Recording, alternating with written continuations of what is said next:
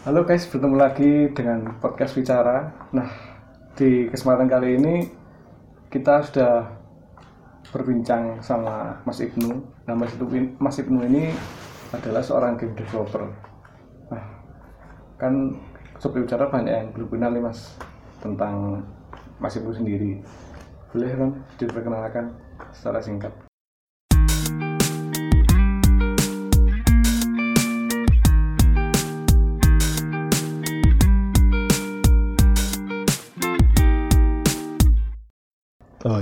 Ya selamat sore sobat-sobat bicara. Eh, jadi mungkin saya perkenalan dulu ya di ini. Eh, namaku Ibnu, ya Ibnu Rasik sih kepanjangannya biasa manggilnya Ibnu.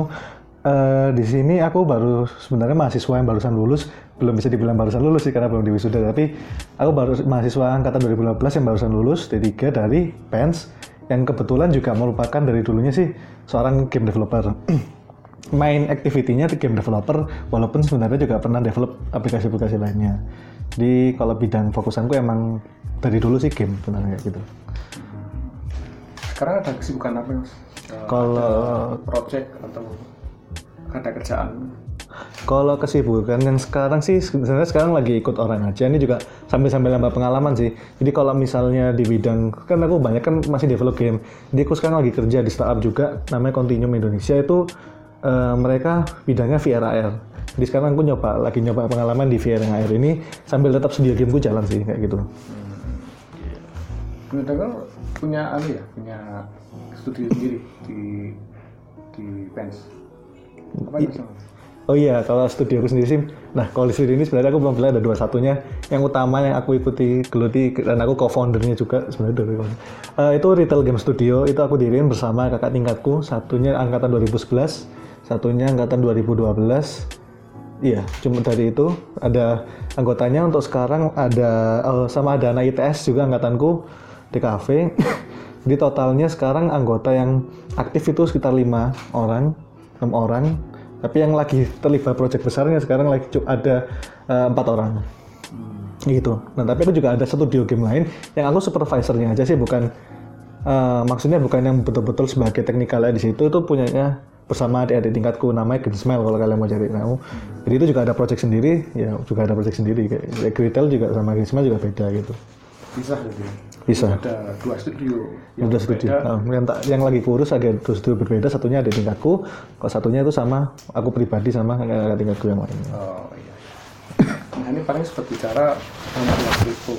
Kenapa sih kok milih jalur game developer? Kenapa nggak kayak kayak web, kayak mungkin eh, IoT atau bidang lainnya? Kenapa milih bidang game?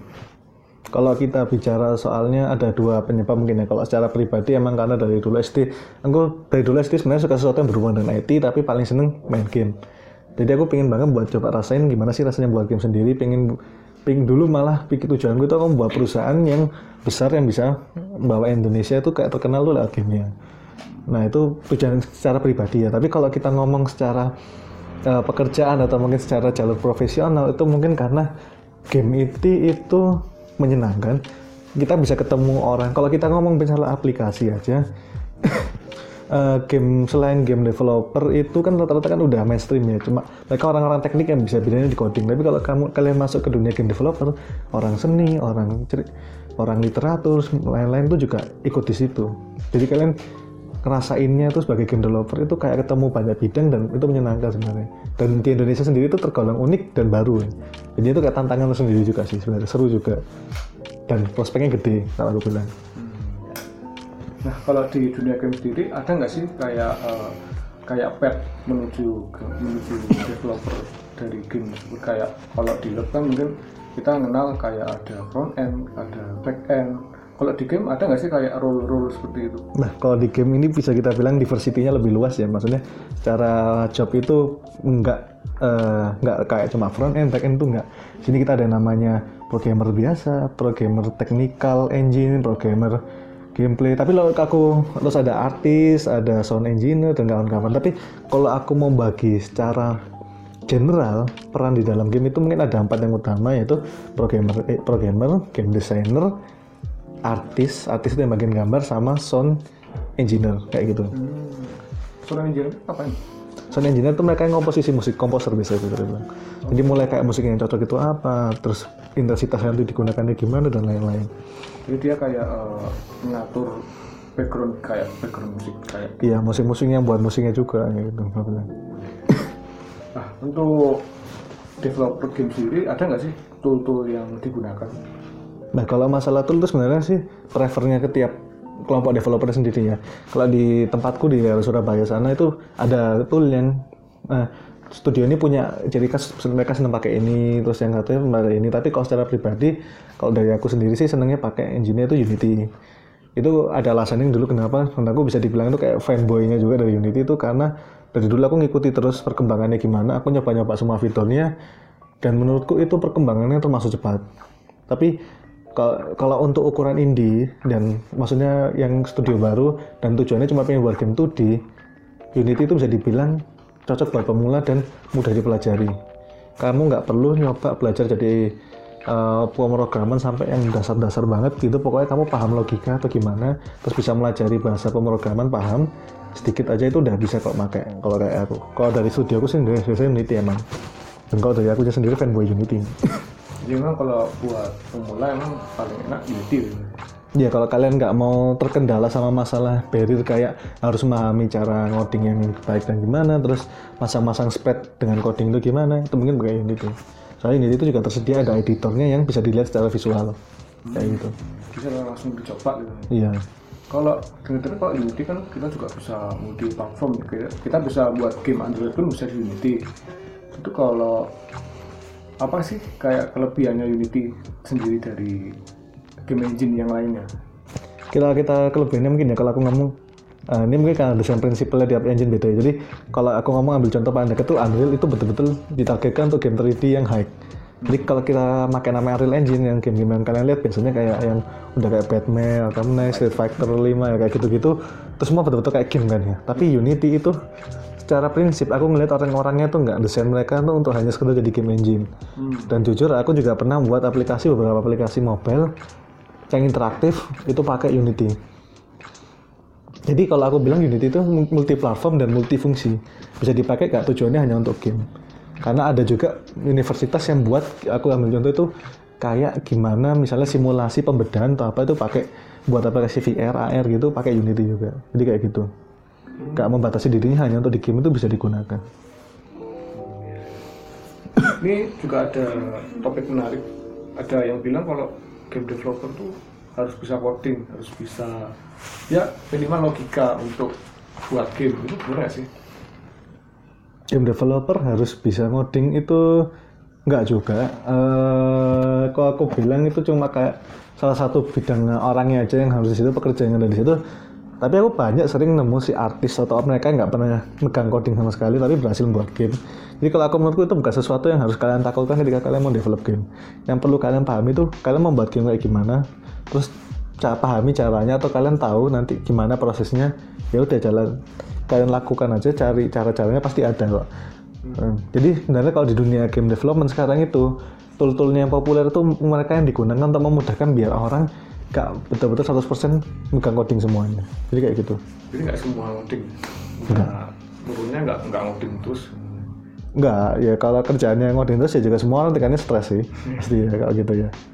Nah, kalau misalnya eh, ada orang yang sudah mendalami membuat game kayak membuat eh, berkecimpung di dunia developer mungkin ada nggak sih tips untuk orang yang baru mulai eh, mengembangkan skillnya di dunia game mungkin ada tips trik agar cepat untuk meningkatkan skillnya Ini tips and trick untuk meningkatkan skill atau tips and trick untuk survive di dunia game development?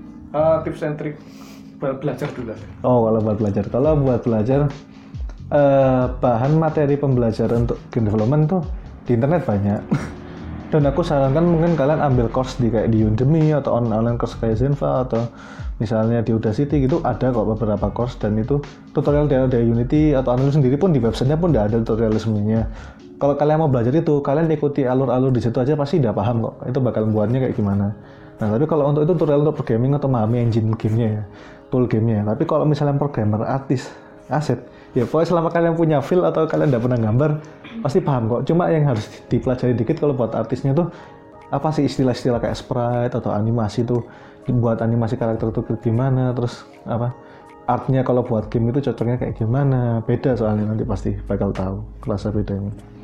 Jadi memang tergantung role-nya yang kita ambil kan. Kita kalau misalnya emang role-nya modding ya berarti fokus gimana caranya eh, logika ini untuk menjalankan sebuah game. Kalau yang di kayak desainer itu kita juga harus eh, ya ada modal buat eh, buat buat kayak karakter, kayak sprite gitu ya. Hmm. Ya kalau bilang sih ya modal-modal awal aja kalian tahu bidang yang mau ditekuni. Terus kalau misalnya betul-betul seneng di bidang itu, ya ditekuni aja di situ kayak gitu. Nah, untuk portofolio sendiri nih, kan eh, banyak sekarang company yang nggak nggak cuma ngambil dari gelar sarjana aja, tapi juga ngambil dari eh, portofolio yang didapatkan. Itu menurut Mas Ibnu sendiri gimana?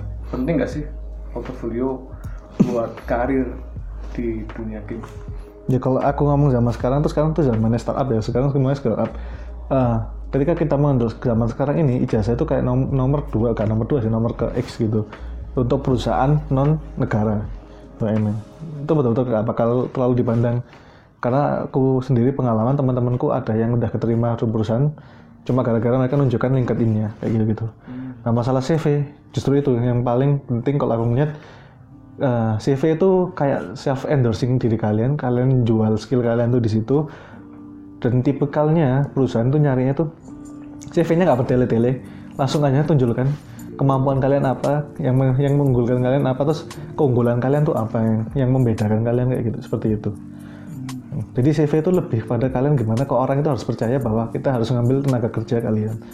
Soalnya kan orang kan juga males kan tahu-tahu bilangnya sih udah lulus iya gak apa maksudnya sama-sama mahasiswa tapi yang kerjanya lebih kompeten yang mana yang skill lebih kompeten yang mana kan maksudnya juga pertimbangan soalnya kan juga nanti ujung-ujungnya kan kalian kan harus dibayar terus kalian harus apa namanya eh, nanti juga akan terlibat dalam proyeknya kan nggak perusahaan nggak mau sembarangan ngambil orang yang belum bisa dipercayakan kayak hal kayak gitu-gitu. Nah ini juga aku pernah baca artikel itu tentang developer emang eh, nggak harus eh, gimana ya bisa ngoding bisa harus tapi juga harus eh, bisa berkomunikasi sama tim. Kan kita tahu juga kalau buat game memang nggak nggak sendirian. Jadi kita eh, kolaborasi sama tim desain sama tim yang sound. Itu eh, gimana sih cara ningkatin skill untuk komunikasi antar tim? Ya itu biasanya sih ke- kebanyakan masalahnya ke lebih orang-orang tekniknya sih ya, bukan ke orang-orang soal masalah bagaimana mereka komunikasi antar tim terus kerjaan mereka gimana soalnya salah komunikasi dikit tuh bisa batal banget. Aku pernah ngalami jadi gara-gara kita salah persepsi mengenai soal asetnya, akhirnya asetnya tuh yang dikasihkan diberikan tuh beda salah akhirnya lagi dari awal ya, kayak gitu-gitu. Dan itu juga gak cuma antar misalnya beda job ya, antar job pun kayak programmernya, programmernya misalnya eh, nggak nggak punya kesepakatan mau membuat codingannya kayak gimana. Jadi pas ditukarkan atau misalnya perusahaan kerjaannya dilanjutkan gitu kayak bingung. Ya kita buat lagi dari awal dan itu buruk secara praktik dan bakal makan waktu development dan itu juga melelahkan buat programmer-programmernya kayak gitu atau gimana. Terus yang masalah as- artis juga harus paham antara programmer sama artisnya misalnya dia membuat backgroundnya kayak gini, artisnya kayak gambarnya kayak gini, tapi programmernya kayak diberitahu nanti penggambarannya kayak gimana, kameranya kayak gimana. Nah, biar bisa efisien gimana cara kontrak kerja itu, ketika sistem yang aku pakai sih biasanya nerapin sedikit nerapin Scrum.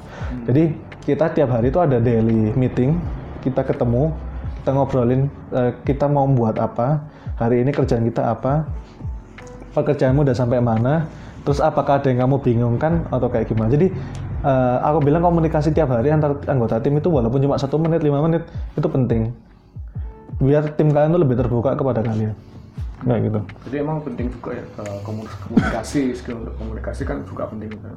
soalnya kan ya kalau buat game yang modding sendiri terus yang bikin sendiri kan bisa crash bisa nggak nggak jadi Nah iya itu, biasanya kadang-kadang orang itu ketika membuat game nggak paham satu sama lain, pas mereka mau menyatukan itu kayak ada sesuatu yang beda atau nggak sinkron. Jadi, nggak cocok ah, Nah, untuk yang retail sendiri ada nggak sih eh, kayak kisah kayak cerita-cerita menarik yang dialami oleh startup retail punyanya Mas?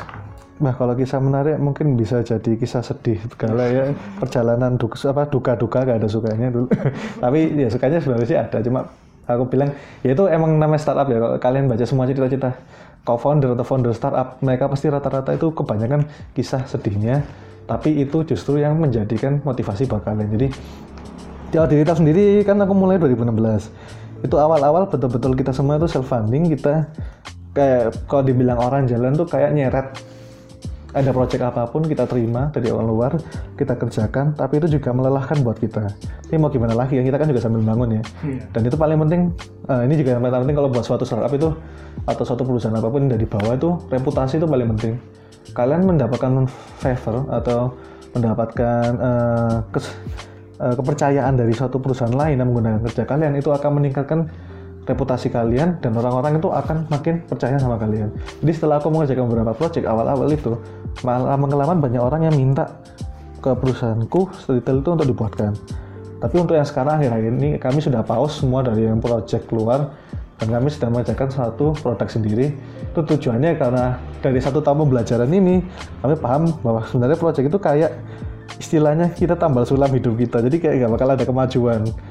Jadi kalau kalau emang buat sesuatu itu mendingan produknya juga sambil jalan. Diatur waktunya yang benar dan projectnya itu kalau bisa disesuaikan kayak gitu.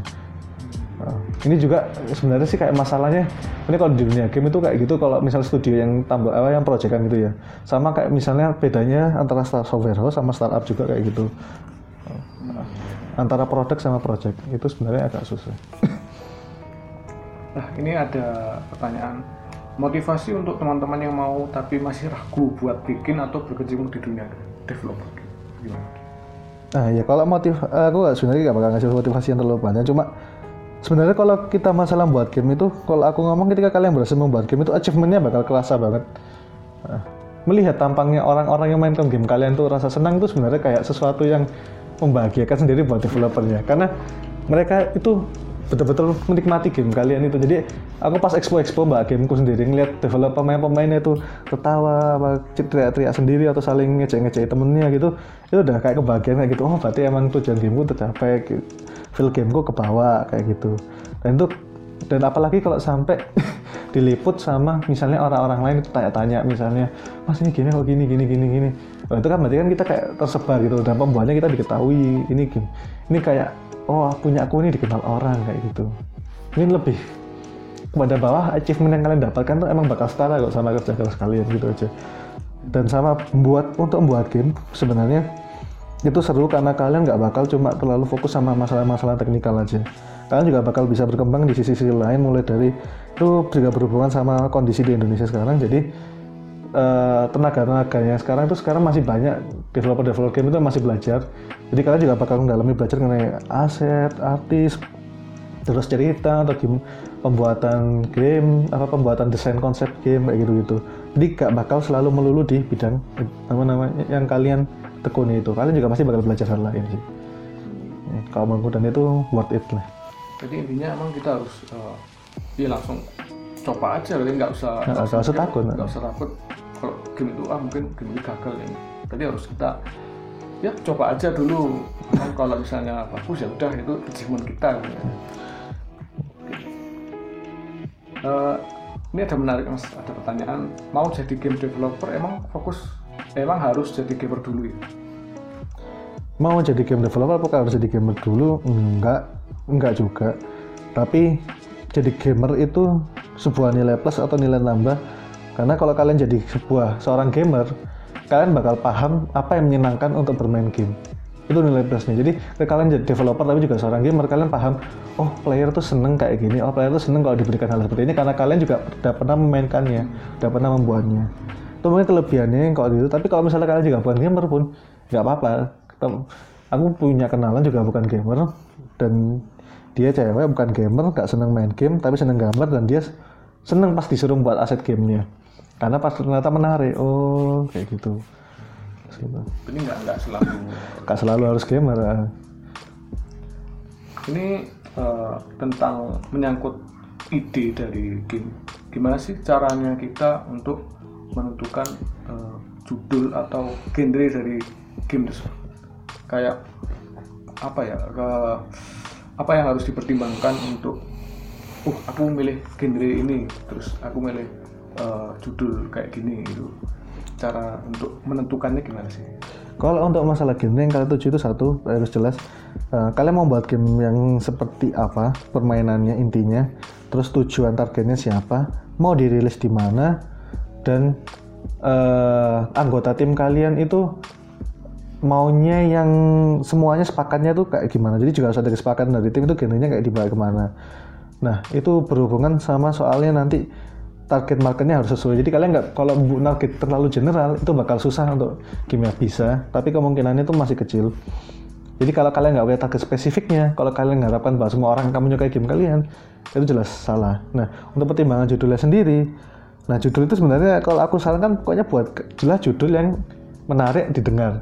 Jadi jangan misalnya judul itu kayak shoot kayak gitu kan ya tembak udah kenapa terus kenapa dengan tembak kayak gitu bahkan judul sesuatu saya menarik dan unik kayak uh, dan kelihatannya seperti dan sesuai dengan judul game kalian. Jangan game kalian mengenai game tentang uh, uh, memelihara hewan tapi judulnya Killing Rabbit. Ya kan? Kayaknya kan ya, kayak sesuai ya, kayak gitu. Jadi memang kita harus uh, kasarannya berarti kita juga harus riset jadi uh, tujuan game dari yang kita buat itu apa terus uh, sinkronasi antara judul sama genrenya juga itu juga penting berarti mas Iya kayak gitu juga. Soalnya itu juga menentukan nanti game kalian bakal jadinya kayak gimana. Kalau game yang tidak punya arah dan tujuan sih biasanya hasilnya kurang maksimal kayak gitu. Nah, kita kan sudah bicara tentang cara buat game nih. Nah, untuk Mas Ibnu sendiri kan sudah banyak nih, sudah bikin banyak game. Nah, yang game yang Mas Ibnu sudah mulai dikenal di kalangan gamers, mungkin upload di Steam atau yang diupload di lainnya yang sudah masih belum publish itu apa aja? Kalau yang aku uh, jadi di sini jujur kalau untuk produk sendiri dari perusahaanku itu belum belum ada. Kita semua selesai di tengah-tengah, berhenti di tengah-tengah, uh, masih jadi bentuk prototipe kita simpen dulu. Nah itu keburu ya rata-rata di game studio itu gitu. Jadi mereka banyak prototyping tapi nggak jarang jadi hasil jadinya. Uh, nah jadi untuk kebanyakan produkku itu pasti outsourcing dan itu dipakai oleh perusahaan-perusahaan itu. Dan aku juga nggak bisa sembarangan sebut itunya karena itu kontraknya mereka yang sebagai pembuatnya. Uh, nah, itu juga nanti berhubungan sama masalah kayak misalnya hak ciptanya punya game ini siapa atau gimana itu tergantung kontrak juga. Di itu berhubungan dengan hal, hal seperti itu. Jadi aku nggak bisa bilang. Tapi mungkin kalau untuk yang akan datangnya ya dikasih kasih teaser ya. Kalau mau cari itu yang Green Smile Studio ada nama gamenya CryptX.co itu untuk Steam. Bisa dicari di FB-nya ada Instagramnya ada cari Green Smile Studio atau CryptX.co untuk udah, rilis. sekitar bulan Oktober direncanakan sih rilis masih ya tapi untuk sekarang masih di development. Sedangkan untuk yang retail game studio sendiri ini sebenarnya belum boleh. Nah, itu tapi tak kasih uh, teaser sedikit. Gamenya nanti ada, kita sedang ada project gede dan rencananya bakal diajak ke crowdfunding kayak Kickstarter atau gimana gitu. Gamenya tuh agak action agak action sih action RPG gitu. Hmm. dan ngambil temanya tema-tema pulau Jawa Nanti kalau ketika launching rilis pasti akan disebarkan. Oh, okay.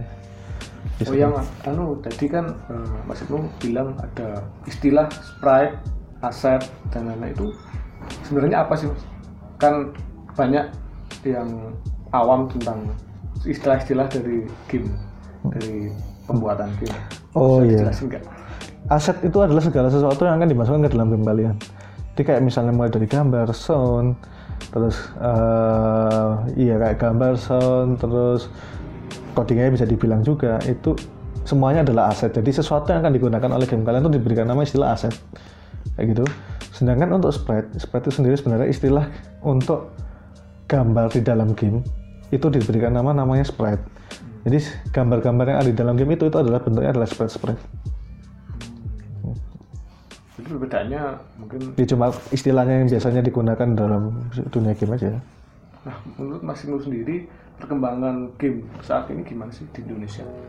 Nah untuk perkembangan game di Indonesia ini kalau yang mungkin ngikuti ya dari tahun 2010 enggak sih aku bilang 2012 itu udah naik. Berarti 2012 sudah mulai agak terlihat naik.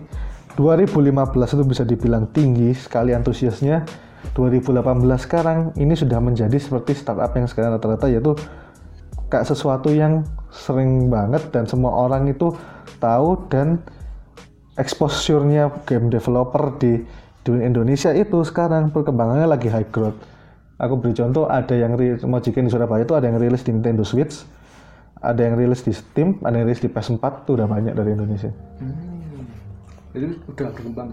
Hmm, kalau aku bilang perkembangannya dari beberapa tahun yang lalu sama sekarang beda banget yang sekarang itu betul-betul tinggi sekali. Itu mungkin juga berhubungan sama entry barrier-nya gimana orang buat game itu lebih mudah. Karena semua game yang aku lihat rilis di beberapa store itu atau buat apa itu semua pakai Unity rata-rata. Jadi memang Unity banyak dipakai. Iya. Wala- Walaupun memang eh, banyak engine yang Lain, nah. tapi emang Unity Karena lebih friendly dipakai orang dan gratis ya, mungkin kayak gitu. Nah ini ada pertanyaan terakhir mas. Eh, kita dari tim bicara minta sarannya, saran kritik. Ya, oh, oke. Saran kritik ya sebenarnya eh, untuk kayak podcast gini menarik juga dan mungkin eh, bisa lebih di improve-nya itu keti- eh, mungkin nanti di wawancara bisa tidak hanya sekitar satu orang saja atau gimana mungkin bisa diajak dalam bentuk tim juga kalau menurut saranku ketika kalian ada podcast soalnya gimana di dalam tim itu mereka berkomunikasi kan tiap orang kan punya jalan pikir yang beda-beda mungkin bisa diajak kayak gitu sih soalnya kalau kita nggak sudah pandang satu orang aja ketika kalian wawancara itu bisa mungkin agak berbeda sama yang tim lainnya kayak gitu sih Kayak kolaborasi gitu. uh, sesi lebih bareng-bareng gitu kan. Ya, ya, ya, mungkin mungkin bisa.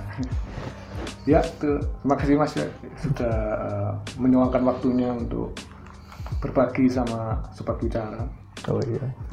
Oke, eh, mungkin segini saja podcast bicara episode kali ini. Eh, tim bicara mohon pamit.